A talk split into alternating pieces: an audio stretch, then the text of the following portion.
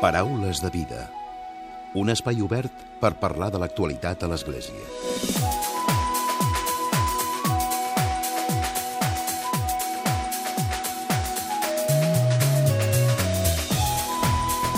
Què tal? Salutacions i molt bon dia, molt bon diumenge. Avui al Paraules de Vida ens acompanyen Felipe Campos Rubio.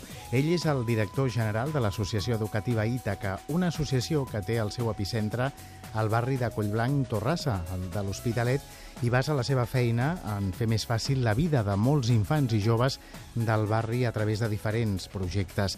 Els membres de l'Associació Educativa Ítaca treballen incansablement per garantir els drets i la igualtat d'oportunitats de tots els membres de la comunitat, amb especial sensibilitat a la infància i la joventut del barri i també de retruc a la ciutat.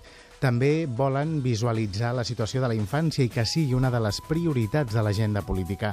És important la tasca que fan amb els joves i amb els infants, però també de retruc amb les seves famílies. De seguida en parlem de tot plegat amb en Felipe Campos.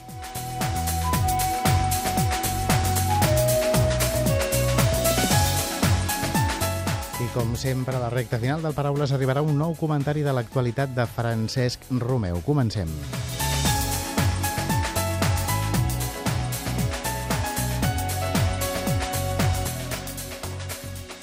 Paraules de vida. Felipe, bon dia i benvingut. Bon dia, Emili. Com estem? Superbé d'estar aquí amb tu, de veritat. És a dir, jo cada cop que tinc l'oportunitat de venir a Paraules de Vida és un moment també de peron, de reflexió. M'ajudes molt a fer balanç, així que estic encantat d'estar aquí. De tota la feina important que feu. I en moments que són molt i molt complicats, no? De moments difícils. És a dir, ara els últims, els últims estudis parlen que la situació a Catalunya en clau de, de pobresa infantil no ha millorat, de fet ha crescut un 10%. La pobresa crònica, vull dir, s'ha fet més present. La precarietat en el món laboral, de moltes famílies que estan intentant donar el millor als seus fills i filles, això no millora. Estem en un moment complex i és on cal cridar una, un cop més no? i tenir l'oportunitat com aquesta d'estar avui a Paraules de Vida de reivindicar un tercer sector proper, a peu de carrer, d'entitats que estan a través dels seus equips educatius intentant generar oportunitats. Emociona ja escoltar-te no, de la feina que fem a Itaca, però és així. És a dir, hi ha un equip de persones que estan dia rere dia intentant garantir allò que hauria de ser de dret, que és la infància, no? la situació de la infància.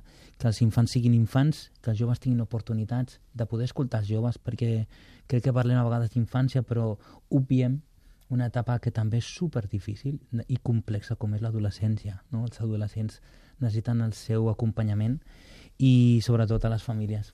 Vull dir, la situació és aquesta. No? Aquesta és la foto i no està tot perdut. No? Ja, ja em coneixes, no, no, no llenço la tovallola. Ets no. molt positiu i, i sempre uh, mirant endavant, no? Sempre, sempre. sempre. És, és la nostra voluntat i és el meu compromís.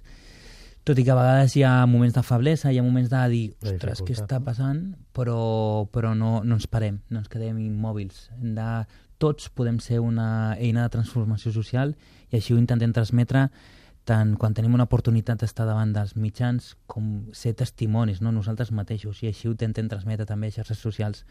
Estem en un moment clau i en un moment on tothom mereix una oportunitat. Uh -huh. Ara parlarem concretament de la feina que, que feu, però ara que parlaves de, del tercer sector social, ara s'ha fet el Congrés, també fa pocs dies celebràvem el Dia Mundial de la Infància. Uh -huh. A vegades eh, els mitjans de comunicació parem molt l'atenció a xifres, a missatges, però després potser això queda en no res. No sé és... si és aquesta la sensació. Sí, sí, Emili, ho has fet, has fet una síntesi brutal, és això.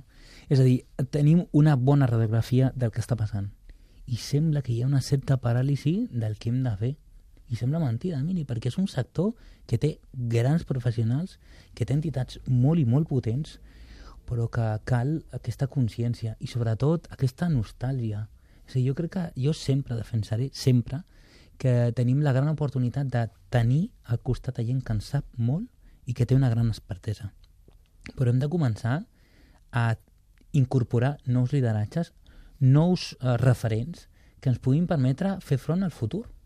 Perquè és que, si no, estem en aquesta roda, Emili, que sembla que cada any el tercer sector ha de començar de zero. Que quan parlem de pobresa, cada any hem de començar de zero a, a és dir, veure... Que es, es desaprofita tot el camí que s'ha recorregut. Sí, sí, i, i no, cualquier tiempo pasado fue mejor, això no és cert.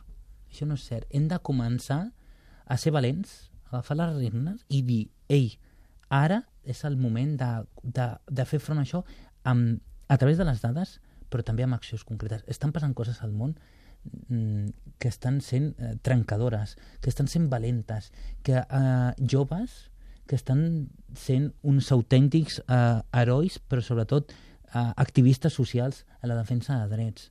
És a dir, a Brasil, és a dir, va morir un activista de 40 anys que va denunciar que algunes coses no estaven fent bé.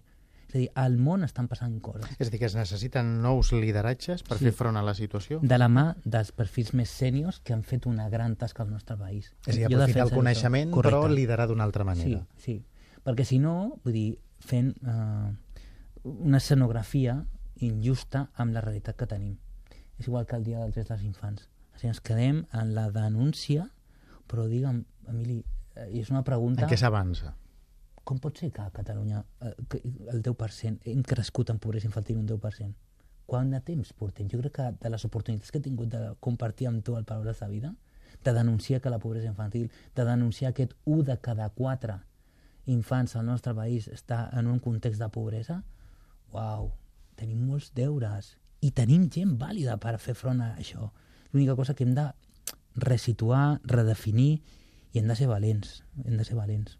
Jo suposo que ara, quan parles de la pobresa infantil, em ve el cas, per exemple, Sor Lucía Caram, que fa moltes, moltes accions i també implica molta gent per tal d'ajudar i de, de posar el seu granet de sorra.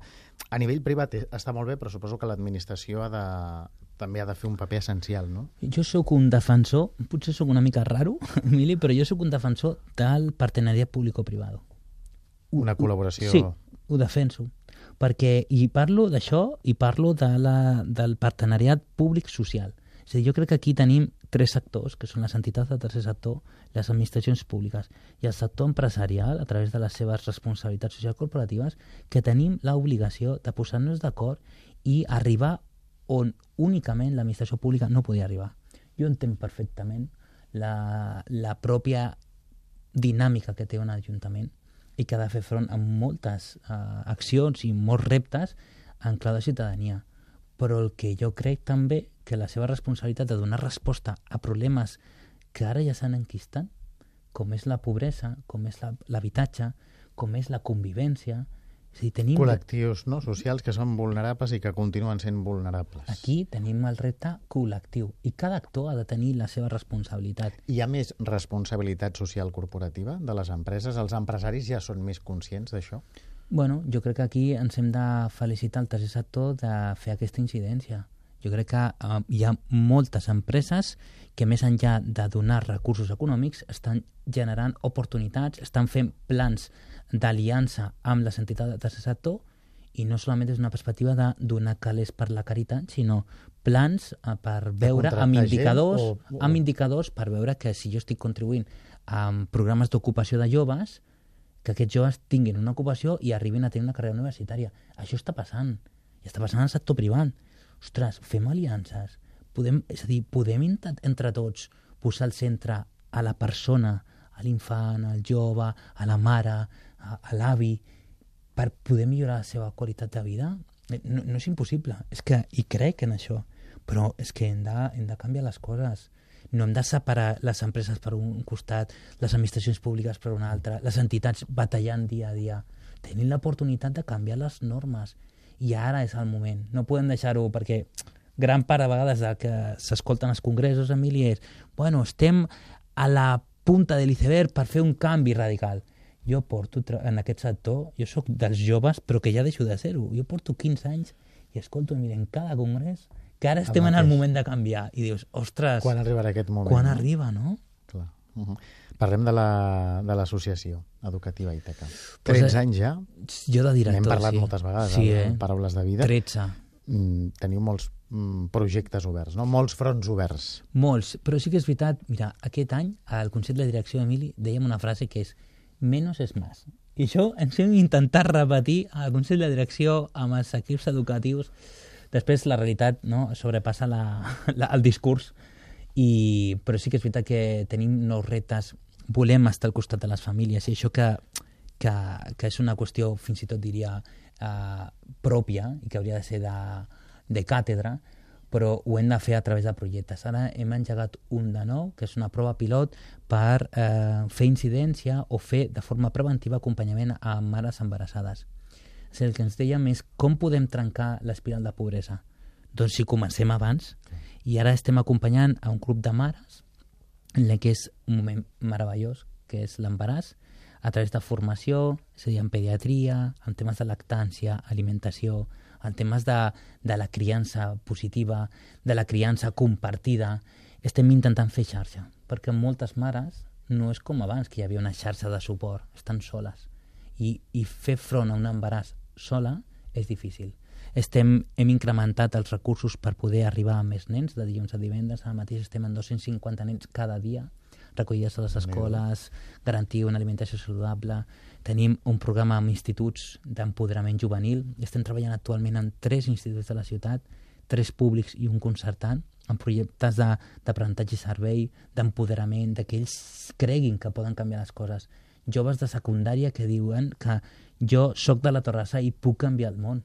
I no és utopia, és realitat. I, i, i, i creiem en tu. Hem d'estar al costat, i de veritat, no? I estem fent. De fet, ara...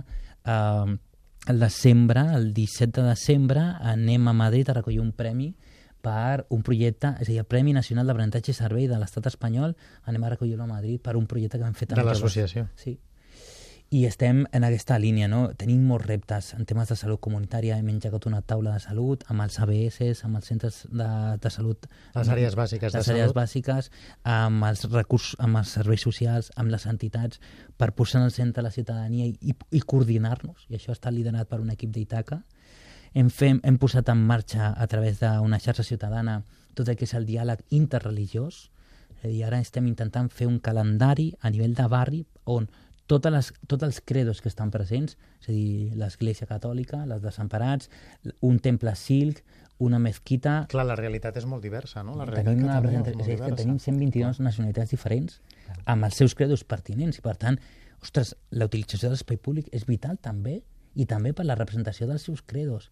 Ara hem aconseguit posar-nos d'acord, és a dir, posar una taula de representants polítics als diferents eh, centres de culte que estan presents al nostre barri i posar-nos d'acord de com celebrem el Nadal. Ara, en breu, ja estem preparant com celebrarem el Nadal interreligiós. Ho farem a Itaca, amb presència jueva, cristiana, eh, musulmana, el silc i no recordo i crec que també, sí, tota la que és la vessant evangelista uh -huh. també estarà present en aquesta celebració interreligiosa del Nadal. Ho, farem, ho hem fet pel trencament de, de l'islam, de, de juni, és a dir, volem que la gent del barri sigui protagonista i solament ho podrem fer i que se sentin còmodes no? sense, si reconeixem la part individual de la persona i la compartim no? aquest concepte de comunitat que cada, cada cop s'ha de dir més fort solament podem sortir cap endavant si ho fem plegats de comunitat, no? El Correcte. concepte de comunitat és, Correcte. és el, el més important. Parlem d'aquest projecte nou que deies, de l'acompanyament a les dones embarassades. És una realitat que,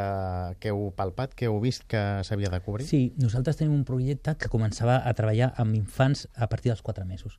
Com podem trencar la pobresa, com podem anar una mica més enllà de moltes famílies que es queden excloses del sistema d'assignació de places públiques de les Bressol.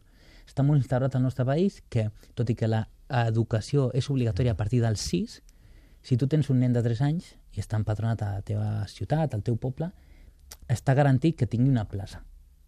Tot en un lloc o un altre, però... En un lloc o un altre tindrà una plaça. Però què passa amb els infants de 4, a partir dels 4 mesos fins als 3 anys? Que tot i que no és obligatori, no està garantit. No hi ha tant número de places a l'escola Bressol com nens que estan.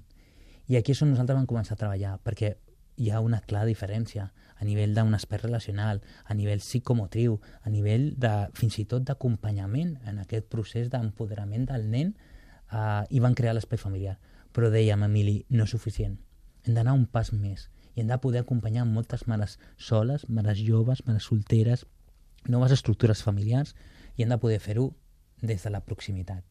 I vam engegar aquest projecte pilot i estem molt contents perquè la resposta és molt bona.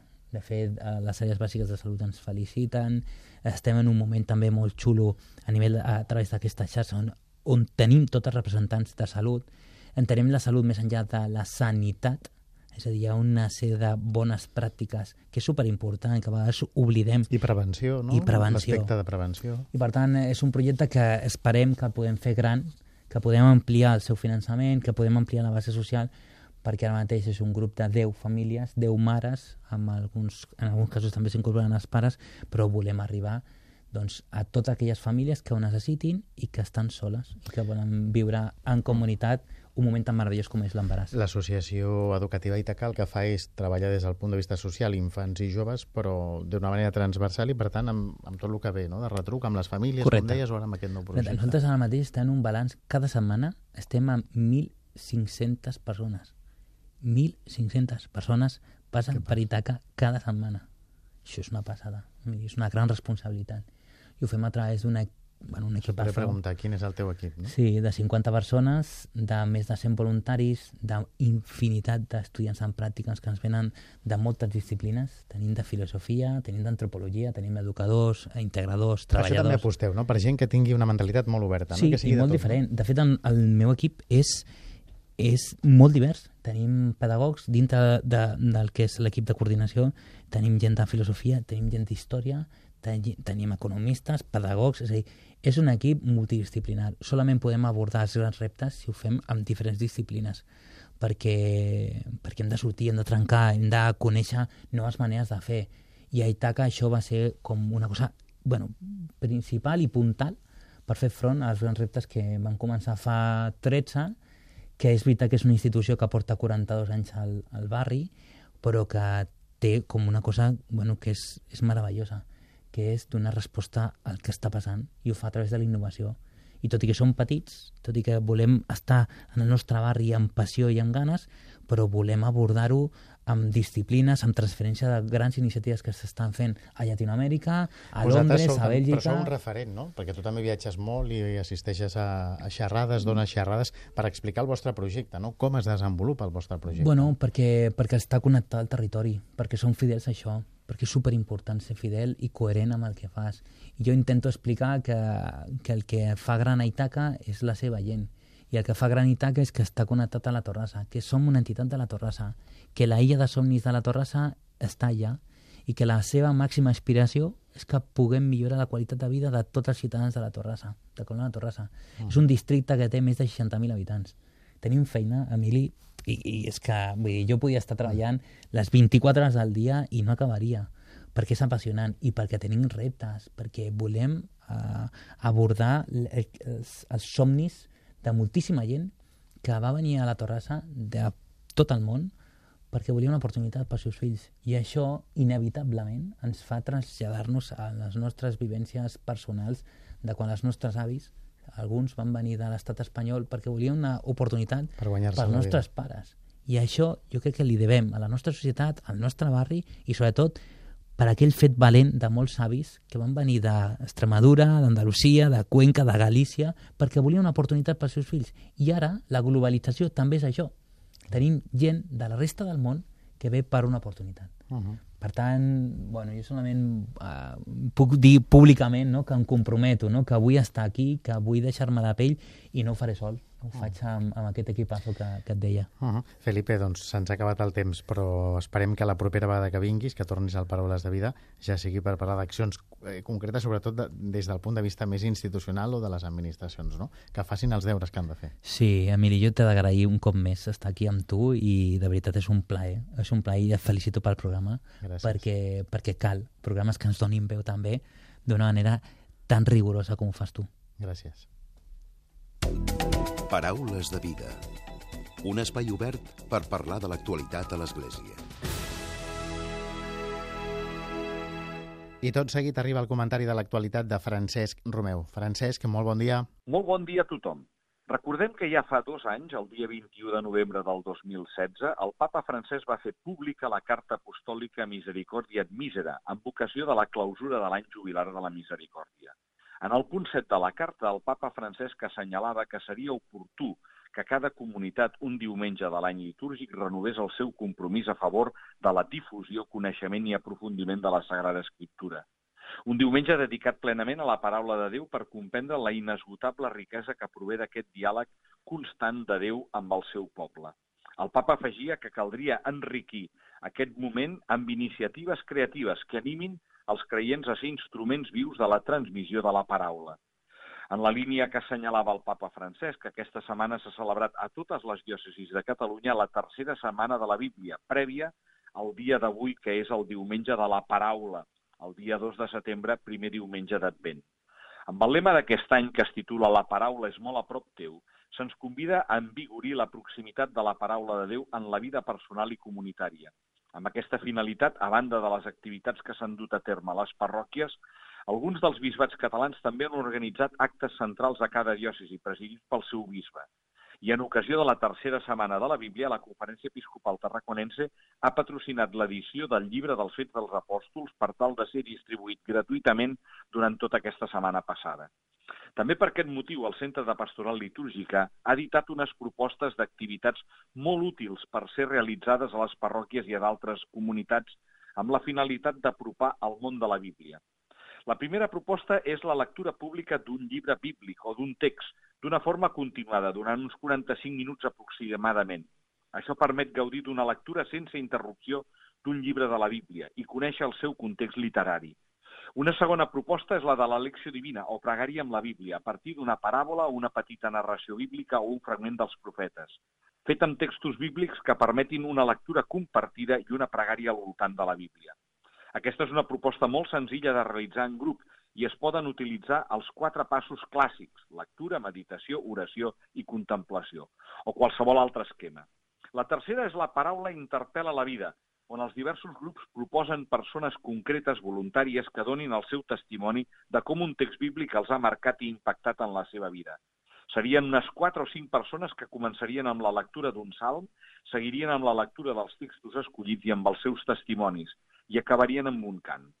La quarta és conèixer personatges bíblics per adquirir o ampliar informació sobre persones que apareixen en la Bíblia ja sigui a través d'un participant que prepara una exposició biogràfica d'un personatge de la Bíblia, acompanyada de material didàctic, amb elements històrics, geogràfics, literaris, o bé un participant que adopta el paper d'un personatge bíblic i un altre li fa una entrevista. La cinquena és reflexionar sobre la Bíblia compartint pautes de lectura i reflexions al voltant d'un text bíblic. Havent llegit el text, un participant n'exposa les coordenades històriques, culturals i simbòliques, les quals ajudaran a donar-hi llum. Tot seguit, els components del grup posen en comú les reflexions que els ha suggerit. La sisena és veure com la Bíblia ha inspirat la música, a partir d'obres musicals d'èpoques diverses, fent una audició d'una obra musical de contingut bíblic. L'obra d'haver estat escollida prèviament per una persona que guia l'activitat i remarca les connexions entre el text i la música. Després de l'audició, els assistents diuen el que han experimentat i contemplat. La setena seria aprofundir en aquells textos referits a la trobada de Jesús amb persones emblemàtiques del seu temps, per tal de copsar-hi les conseqüències d'aquesta trobada, com poden ser la dona cananea, la dona amb hemorràgies, una pecadora, Zaqueu, la samaritana o el sec de naixement. La vuitena és poder veure l'apropament al missatge bíblic a través de l'art, organitzant una visita al Museu Bíblic de Tarragona, al Museu Diocesà de Vic o al Museu de Montserrat. Molt bon diumenge a tothom.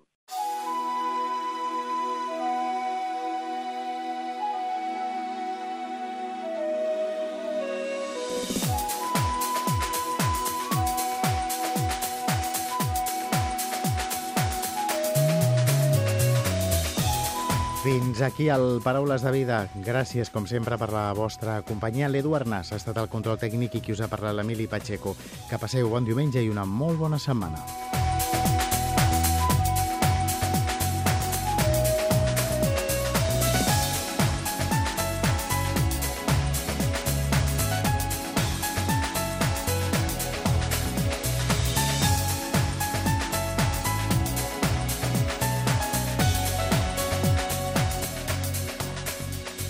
Paraules de vida. Us oferim la carta dominical de l'arcabisbe de Barcelona, Joan Josep Omella.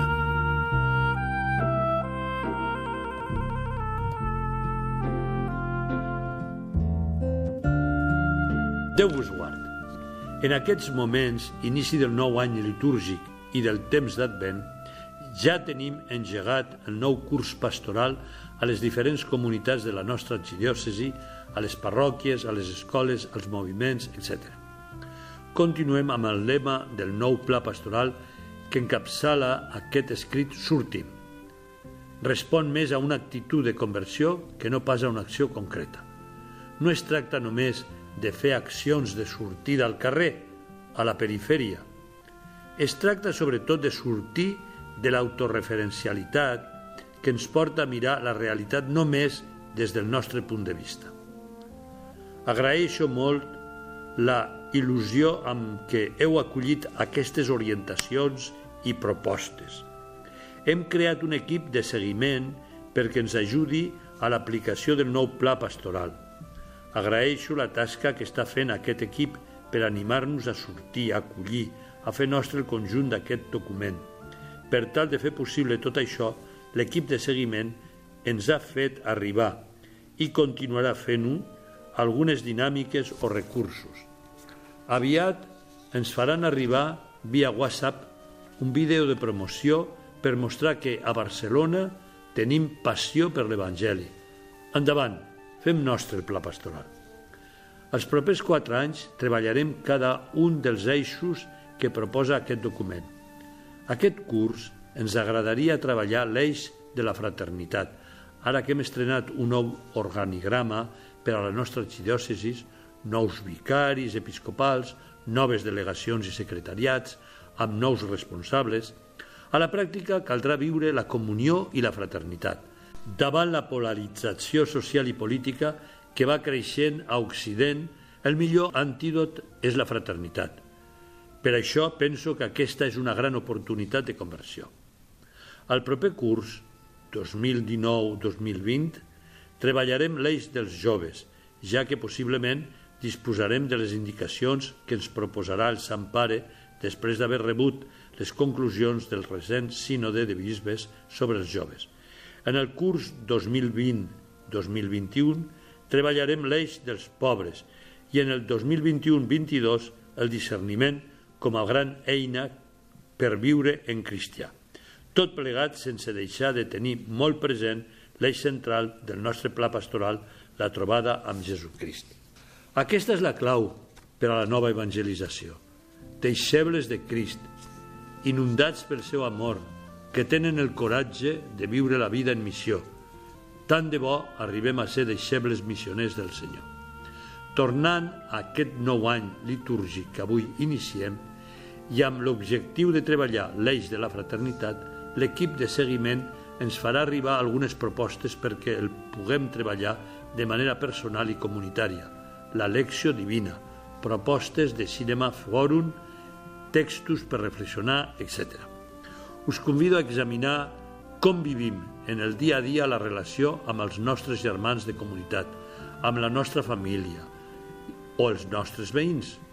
Us proposo que cada dia ens aturem un moment i ens demanem davant el Senyor. Com he mirat avui els meus germans, les persones amb qui m'he trobat? Aprofitem per demanar al Senyor el do de la seva mirada perquè puguem descobrir en els altres el do de Déu qui hi habita. Benvolguts germans, us convido a fer vostra aquesta pregària que trobem a l'Evangeli de Lluc. Senyor, fes qui vegi. Així és, tant de bo puguem veure-hi amb la seva mirada. Bon inici d'Advent. Us hem ofert la carta dominical de l'arcabisbe de Barcelona, Joan Josep Omella.